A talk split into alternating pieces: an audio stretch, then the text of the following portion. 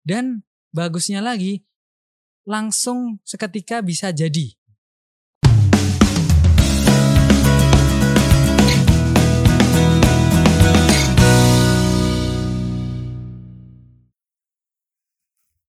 Halo kawan pajak, kembali lagi di Spetak, studio podcast pajak KPP Pratama Boyolali. Dengan saya Erik di sini sebagai host kalian dan kita kedatangan tamu lagi dari KPP Pratama Boyolali. Tapi kali ini uh, Mas Camdan ini adalah petugas penyuluh. Silakan Mas Camdan.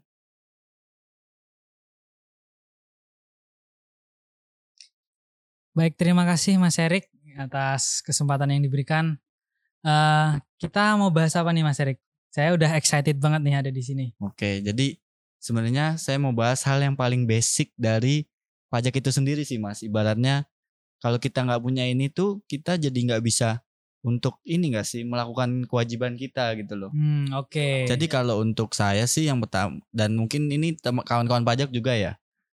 NPWP itu sebenarnya apa sih sama ada katanya kalau kita daftar NPWP, NPWP kita belum jadi itu ada namanya SKT ya. Itu apa bedanya tuh Mas antara NPWP dan SKT itu sendiri? Oke Mas Erik. Jadi kalau SKT kita ngomongin SKT dan NPWP ya. Betul. Kalau NPWP itu tadi kepanjangannya adalah nomor pokok wajib pajak. Hmm. Jadi NPWP itu sebagai identitas seseorang. Identitas ya. Ya. Oke. Kita tekankan pada identitas. Identitas. Ya. Oke. Jadi identitas bagi seseorang tentunya yang bisa warga negara Indonesia ataupun tidak. Uh -uh. Ya. Untuk apa? Untuk identitas mereka membayar pajak. Jadi kalau oh, mau bayar begitu. pajak itu biar kita punya identitas siapa kita, uh -uh. Ya, itu ya pakai NPWP itu sendiri. Gampangnya seperti itu. Lalu untuk SKT itu mas? Kalau SKT itu adalah surat keterangan terdaftar.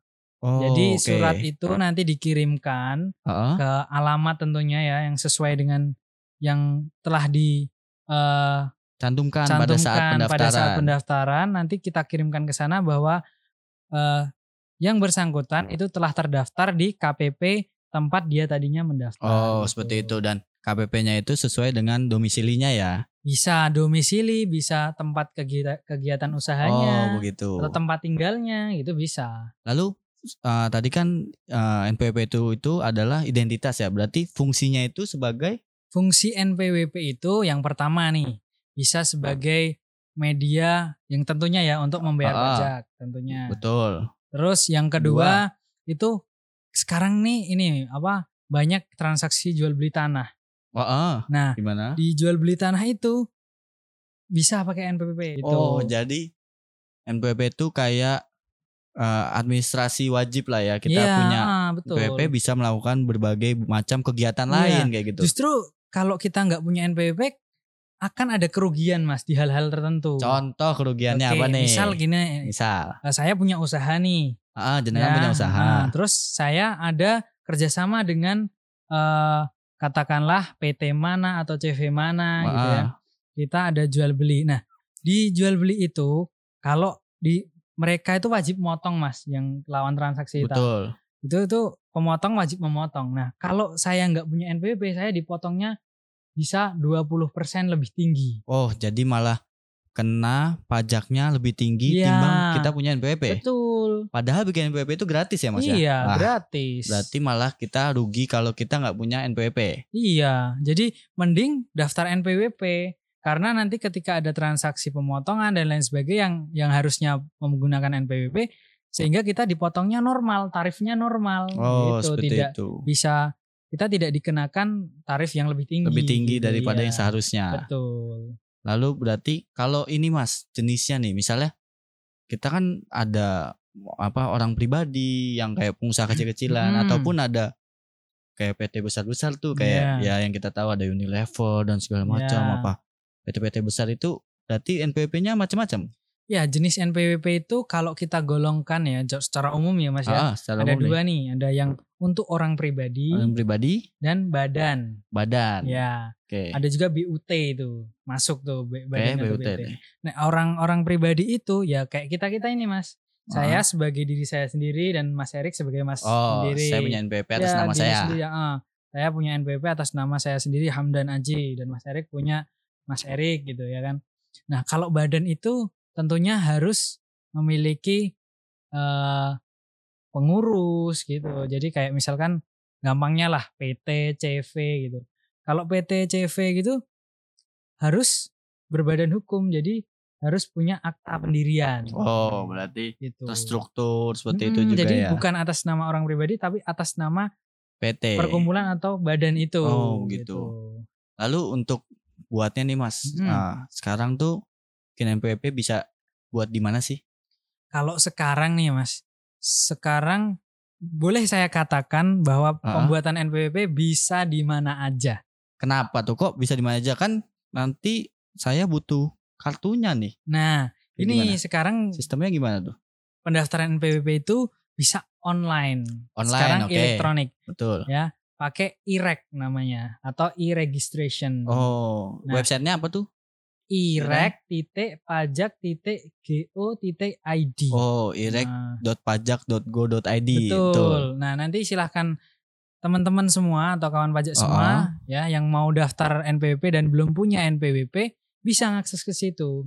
Hmm, malah kalau, lebih mudah iya, ya. Kalau dulu kan harus datang ke uh, di mana seharusnya dia terdaftar. Misalkan kegiatan usahanya ada di Boyolali, padahal dia ada di Solo atau gitu ya. Ya harus daftarnya ke Boyolali oh, sini. Atau bahkan dia bekerjanya di Malang, tapi hmm. dia orang Boyolali. Berarti daftarnya harus buatnya di Boyolali iya, kan. Harus di sini. Tapi sekarang ada e-registration. Uh-huh. Di Malang tinggal ngakses irek.pajak.go.id langsung bisa daftar di situ. Wow. Jadi tinggal buat akun pakai email doang ya kayak kita mau daftar sosial media gitu. Iyalah, daftar Facebook, iya. Instagram segala ya, macam ya Siapa sih sekarang yang nggak punya email kan nah. gitu ya.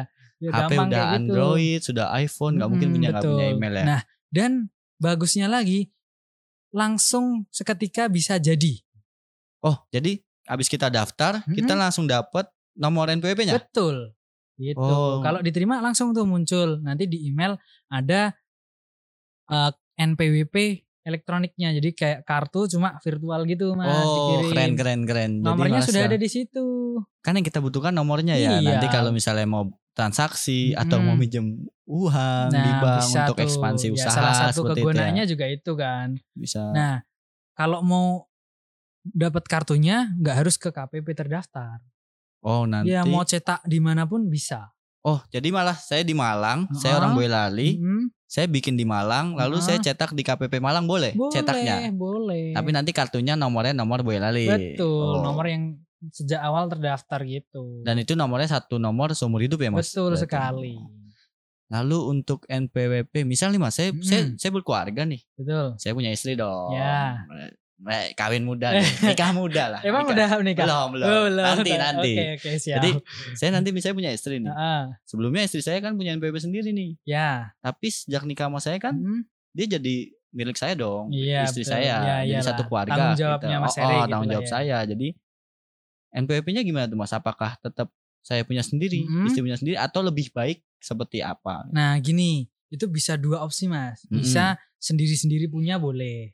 Tetap sendiri-sendiri. Iya, bisa tuh. Sendiri-sendiri tuh boleh. Jadi ada yang namanya uh, memilih untuk menjalankan kewajiban perpajakan secara terpisah. Oh, gitu. Itu bisa istri mau sendiri, kami bisa bisa sendiri. Tapi juga ada opsi kedua, gabung yang gabung bukan suami ke istri tapi oh, istri ke suami tetap dong. saya kepala iya, keluarga dong. Betul. Jadi kepala keluarga. Uh, jadi istrinya Mas Erik, uh -uh. NPWP-nya diajukan penghapusan aja.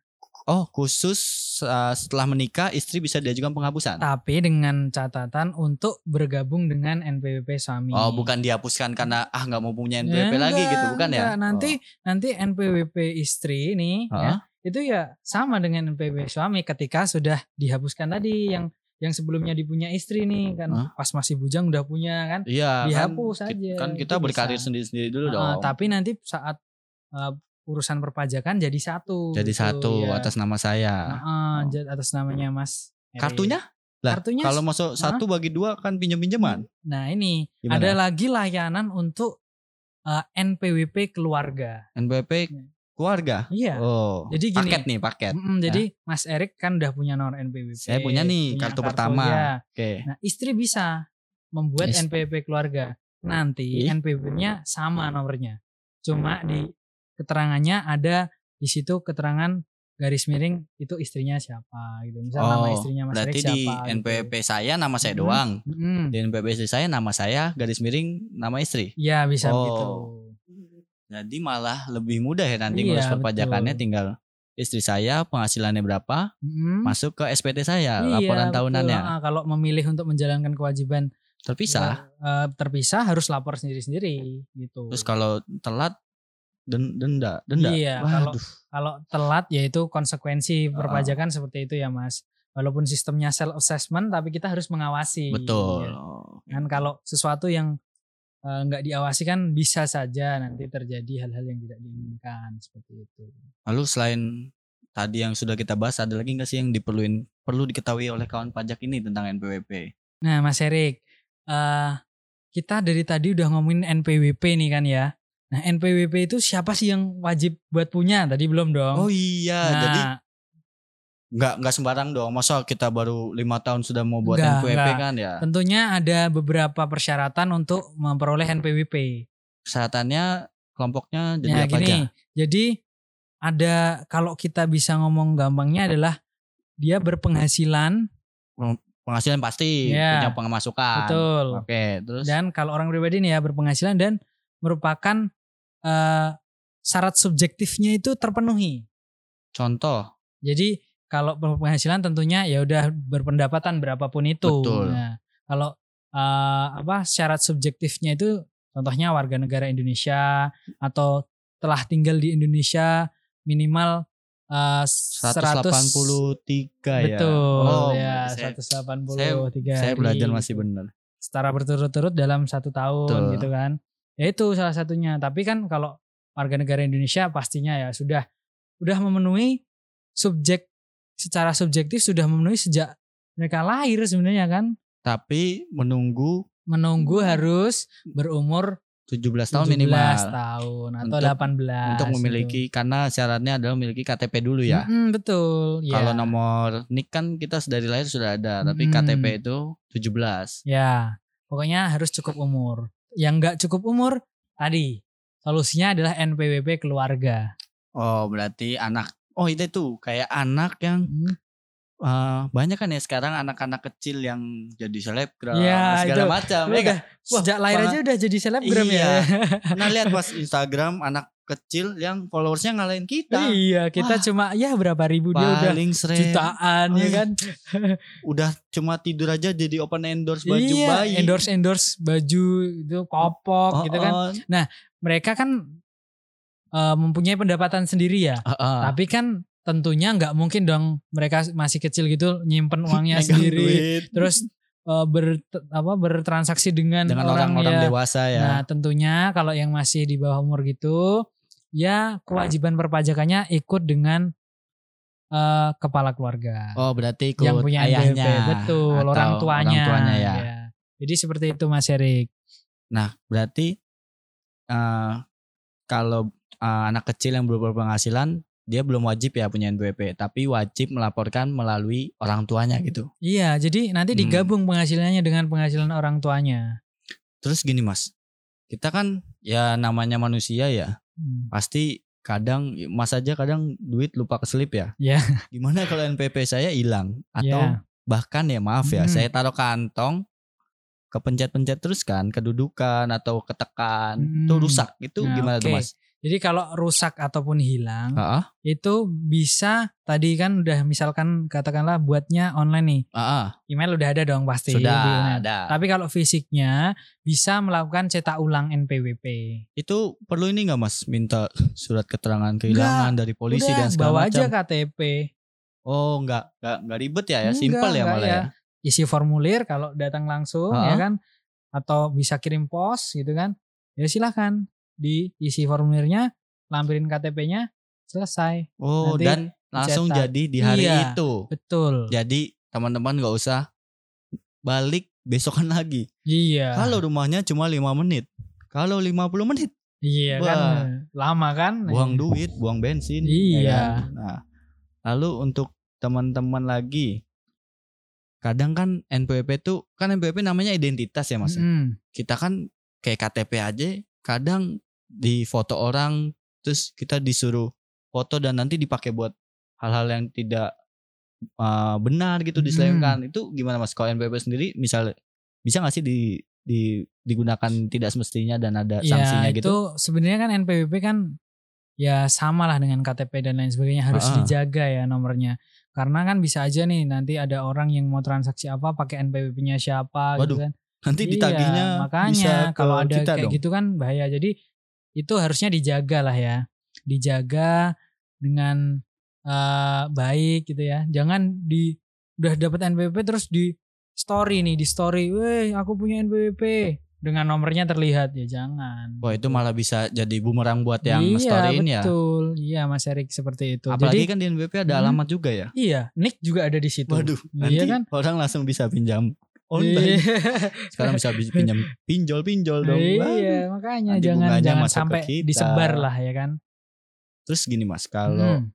misal nih uh, saya udah ada teman-teman yang kawan pajak nih yang selama ini bekerja Hmm. Tapi karena bekerja tidak di PT besar atau hmm. tidak uh, di tempat yang mewajibkan NPWP, jadi kan misalnya dia beri berwirausaha, hmm. jualan online. Yeah. Dia belum punya NPWP, hmm. tapi sebenarnya dia wajib punya NPWP karena yang pertama sudah berumur 20 tahun hmm. atau sudah punya KTP. Hmm. Penghasilan sebenarnya besar Mas, sudah bisa beli hmm.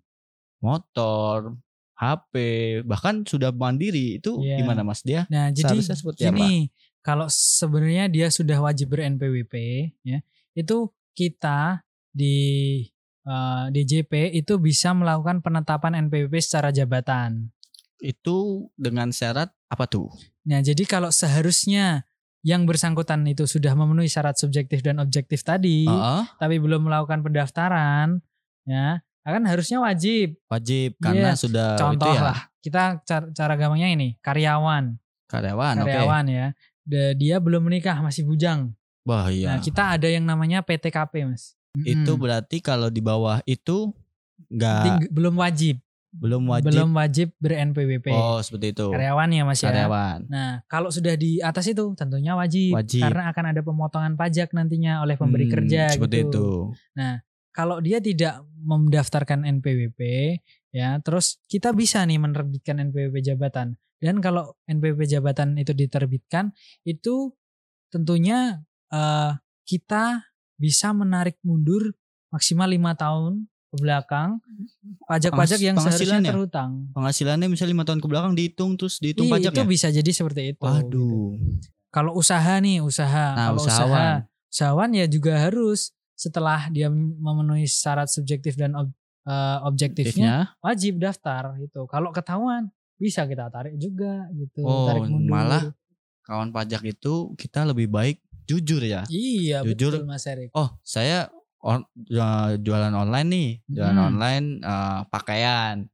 Ya alhamdulillah saya dapat sebulan 4 juta, omsetnya 5 juta. Mending saya lapor uh, bikin NPWP dan saya bayar pajak PP 23 ya kalau ya, gitu ya. Uh, oh. UMKM ya kita gampangnya UMKM, UMKM 0,5 persen. Oh hanya 0,5 persen dari omset ya. Betul. Itu sangat ya tidak mem, tidak begitu memberatkan lah ya. Iya. 0,5 persen. Orang kalau kita makan di restoran-restoran aja PPN-nya 10 persen itu iya, masuk pajak penjualannya ke kan. Pajak penjualan masuk ke daerah. Daerah, uh -huh. ya kan. Mungkin teman-teman agak bingung tentang itu nanti kita bahas di next ya, podcast. Oke. Okay. Okay. Siap. Mungkin cukup segitu dulu ya Mas Hamdan kita uh, pertemuan kali ini. Tadi kita sudah bahas tentang NPWP dan segala jenis NPWP, segala uh, teman-temannya. Ya. Mungkin nanti next kalau kita ada kesempatan lagi kita bisa ngobrol-ngobrol lagi ya Mas Camdan ya. Siap, siap. Oke, mungkin seperti itu dulu uh, untuk kawan-kawan pajak. Uh, terima kasih, selamat melanjutkan aktivitas dan sampai jumpa di Spetak Studio Podcast Pajak KPP Pratama Boyolali episode berikutnya. Dadah.